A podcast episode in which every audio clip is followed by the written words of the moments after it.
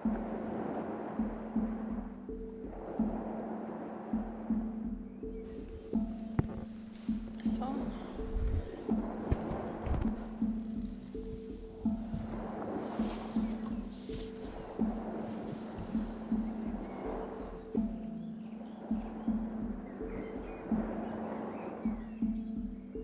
I fjor sommer fikk jeg en telefon fra Ingrid Askvik. Hun spurte om jeg kunne tenke meg å lage en liten podkast om mariadyrking i Norge. Min umiddelbare tanke var at dette var ikke mitt felt. Men så begynte hun å fortelle om formler og ballader og legender og eventyr, og da våknet interessen min. Hun fortalte også om den fantastiske Maria-figuren i Hove kirke, og hvordan en hel bygd hadde arbeidet for å få denne gjenskapt, sånn at Maria-figuren til slutt fikk komme hjem. Vi snakket om identitet, kvinnefrigjøring, kunst og hekseprosesser. Og det endte med at jeg sa ja til oppdraget.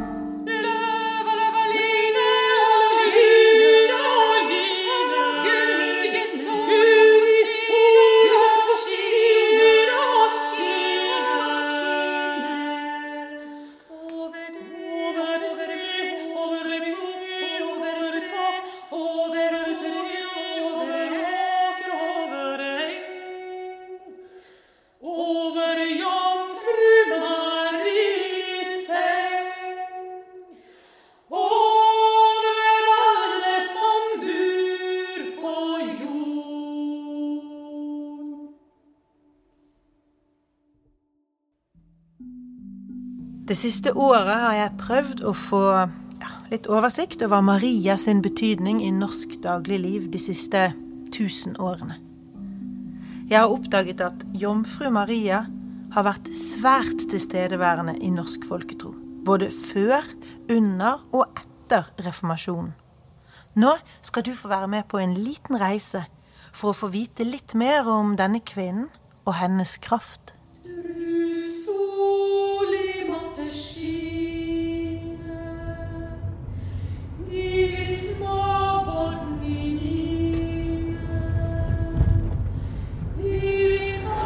Mitt navn er Vibeke Flesland Havre, og jeg er på vei over Filefjell til Lærdal for å snakke med Marie Sofie Sandvik. Hun er historiker og jobber på Sogn folkemuseum i Kaupanger. Og der sitter hun på en del svarte bøker som forteller mye om livet før i tiden. Og det jeg er spesielt interessert i, det er jomfru Maria og hvilken innflytelse hun har hatt på våre liv.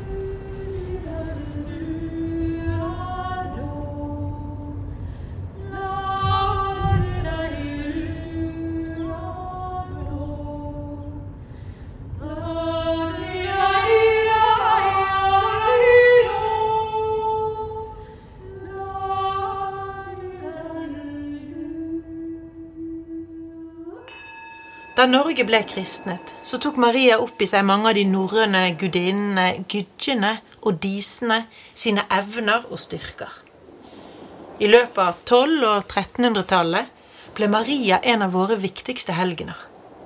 Hun var den du kunne be til hvis du trengte hjelp i forbindelse med fødsler, kvinnesykdom og helbredelse.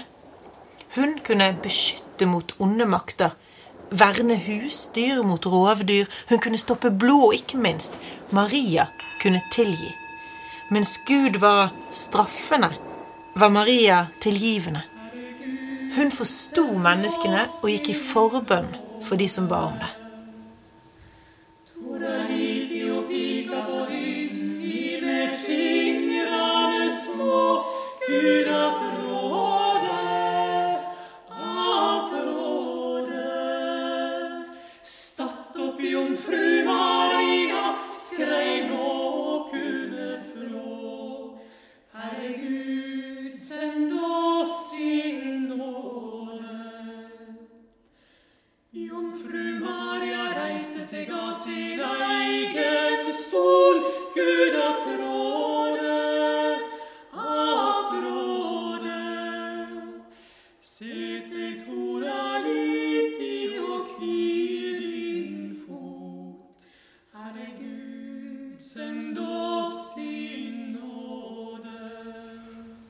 Altså på vei over fjellet. Det snør. Det blåser noe helt voldsomt. Jeg har veldig dårlig sikt, og jeg håper ja, at Maria er med meg. For det, kan se ut som jeg trenger det i dag.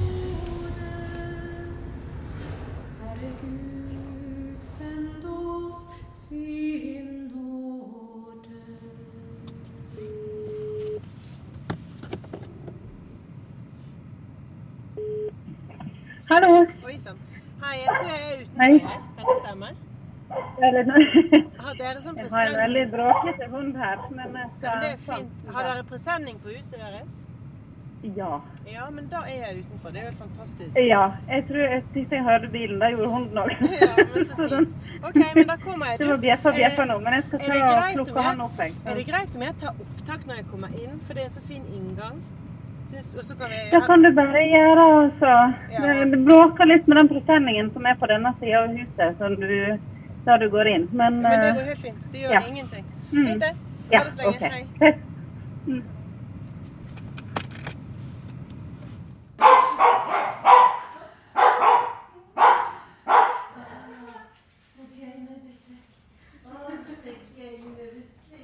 Kan jeg ta av meg den skibuksa? Da går jeg stiv, så det er sånn Gjøre meg her i huset også. ja. Det er ingen problem. Vil du ha en kaffekopp? Har du det, så takker jeg alt det.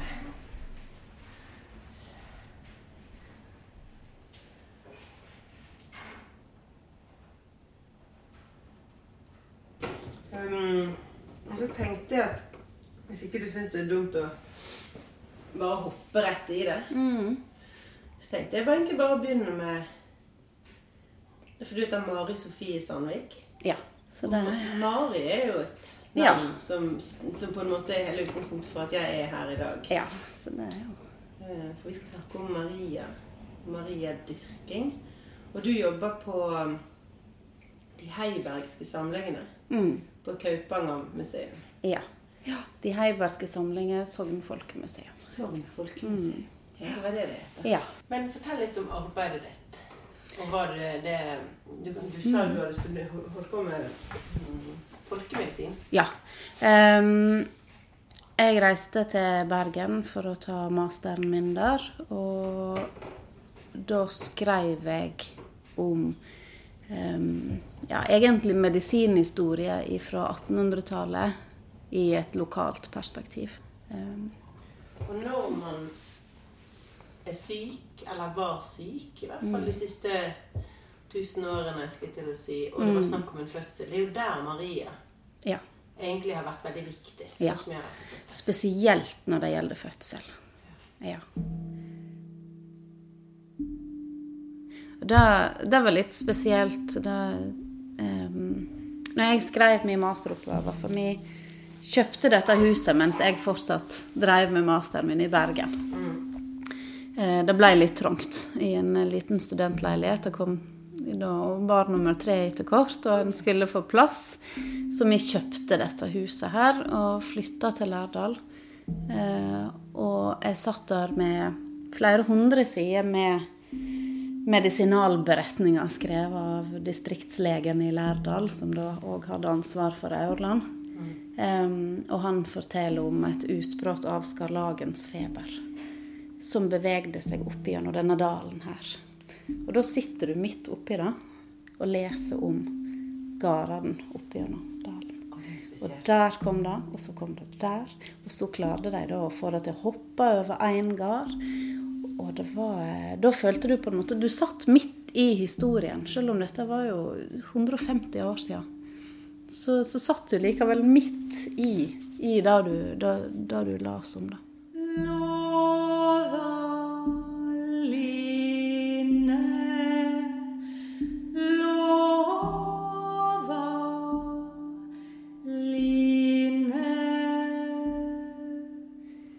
Og det fins òg ei fortelling om ei, um, om ei mor som uh, kom ifra en ganske fattig, liten plass.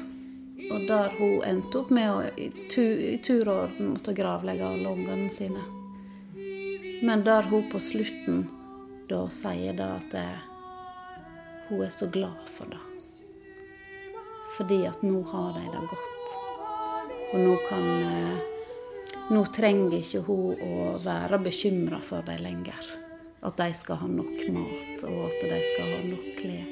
Og alt det hun ikke hadde anledning til å gi dem. Og så kan hun likevel tenke det at det, det har gått dem godt likevel. Og da er de døde. Og for oss så blir det så fjernt, da. For da tenker en jo da er det jo på et vis over. Det er slutt. Men for henne så ble det måten å komme gjennom det på. Mm. At en kan tenke det at det, det var sånn det skulle være. De var hos Jomfru Maria. Mm, for det var hun det. som tok imot de døde barna. Mm. Hun var de døde barnas mor. Mm.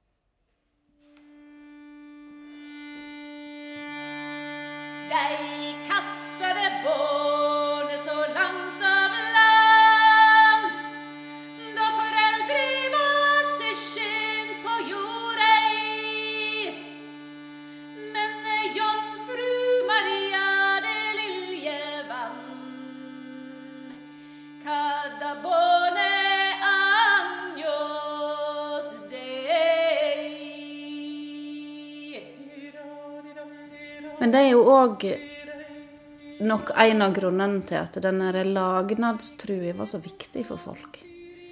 Da var det at når en opplever sånne ting, som at en kanskje begraver flere av ungene sine i løpet av et par uker, så må du for å kunne gå videre eh, Du må kunne tro at det er en mening bak. For ellers så blir det håpløst. Det blir helt Du kan ikke leve med det. Der ser en jo òg at eh, jomfru Maria blir, blir brukt i svartebøkene. Eh, det er når de kommer til de eh, spedbarna som ble drepne før de var eh, før de var døpt. De som en da kaller utburden. For disse mente en jo at de gikk att. Og en av grunnene til at de gjorde det, var at de hadde aldri fått noe navn. Eh, Så en måte å få utburden til å falle til ro på, var at en eh, at en sa at 'jeg døyper deg på ei von, enten Kari eller Jon'. Og da hadde denne vesle fått et navn, og så kunne den falle til ro.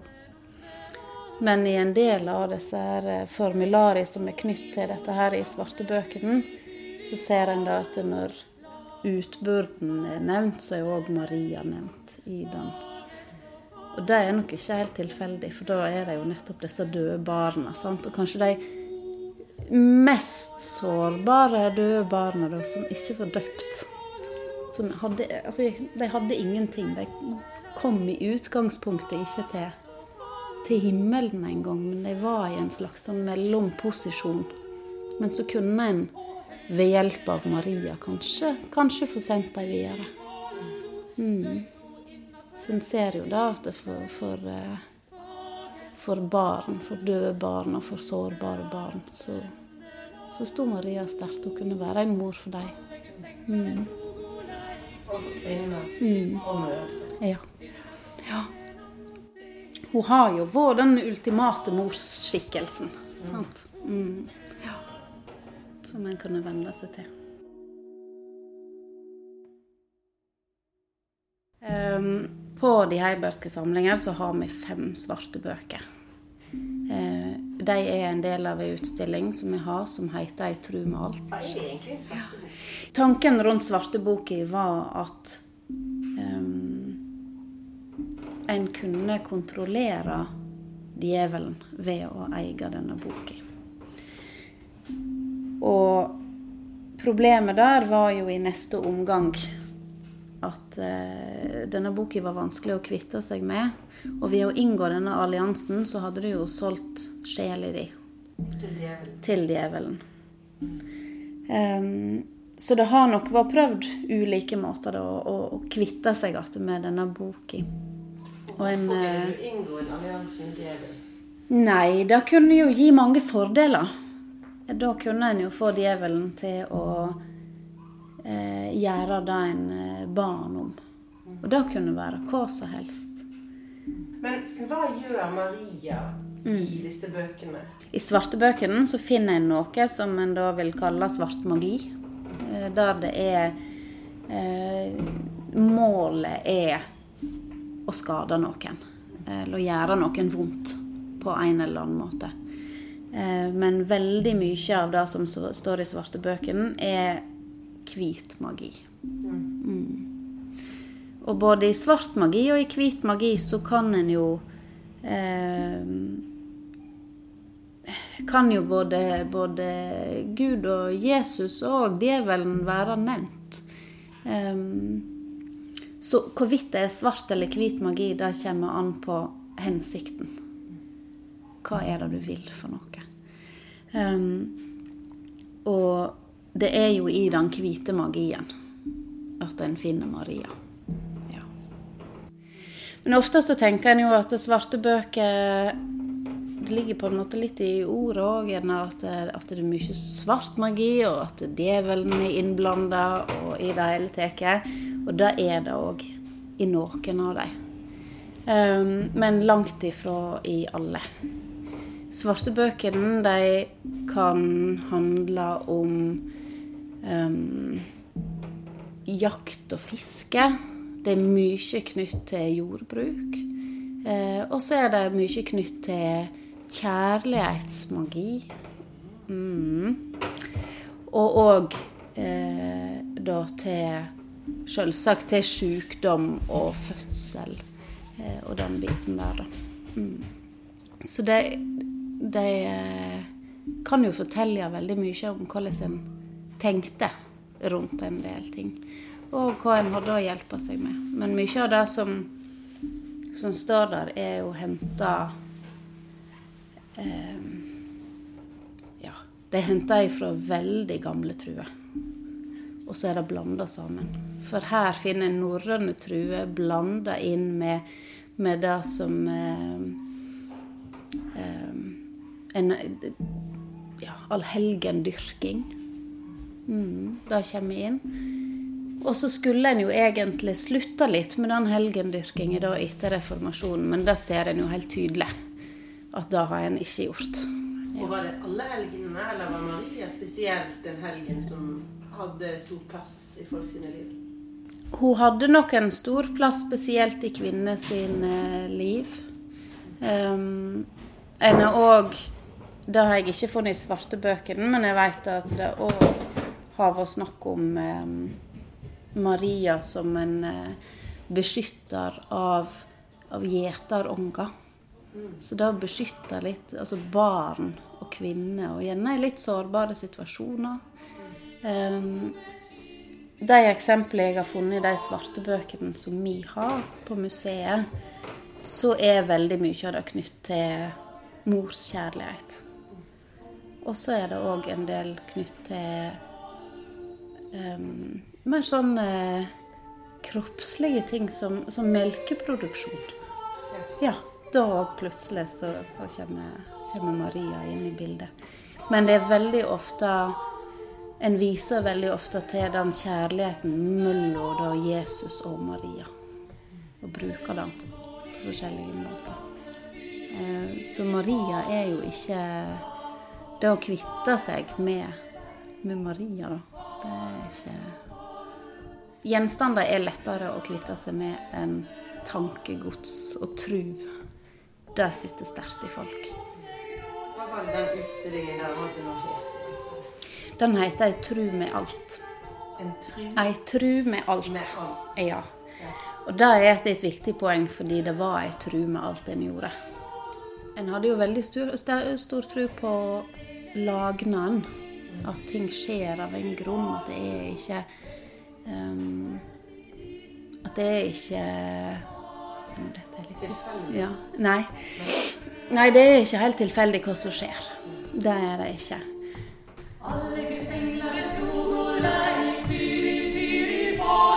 Episoden har vi snakket med Mari Sofie Johanne Sandvik, som jobber på de heibergske samlinger ved Sogn folkemuseum. I neste episode skal vi en tur til Betlehem, der vi helt tilfeldig treffer på biskopen i Oslo, Kari Weiteberg, og hennes mann Rolf.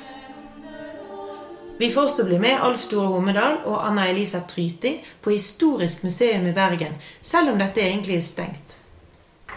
De viser oss den originale hovedmadonnaen og forteller litt om den tiden da hun ble skapt. Jeg heter Vibeke Flesland Havre. Det er Ingrid Askvik og Mari Askvik som har tatt initiativet til denne podkasten. Mari Askvik har laget musikken, og hun synger sammen med Kari Malmanger og Kjersti Morland. Det er jeg som har redigert opptakene, og Gunnar Innvær har laget lyddesign og satt det hele sammen.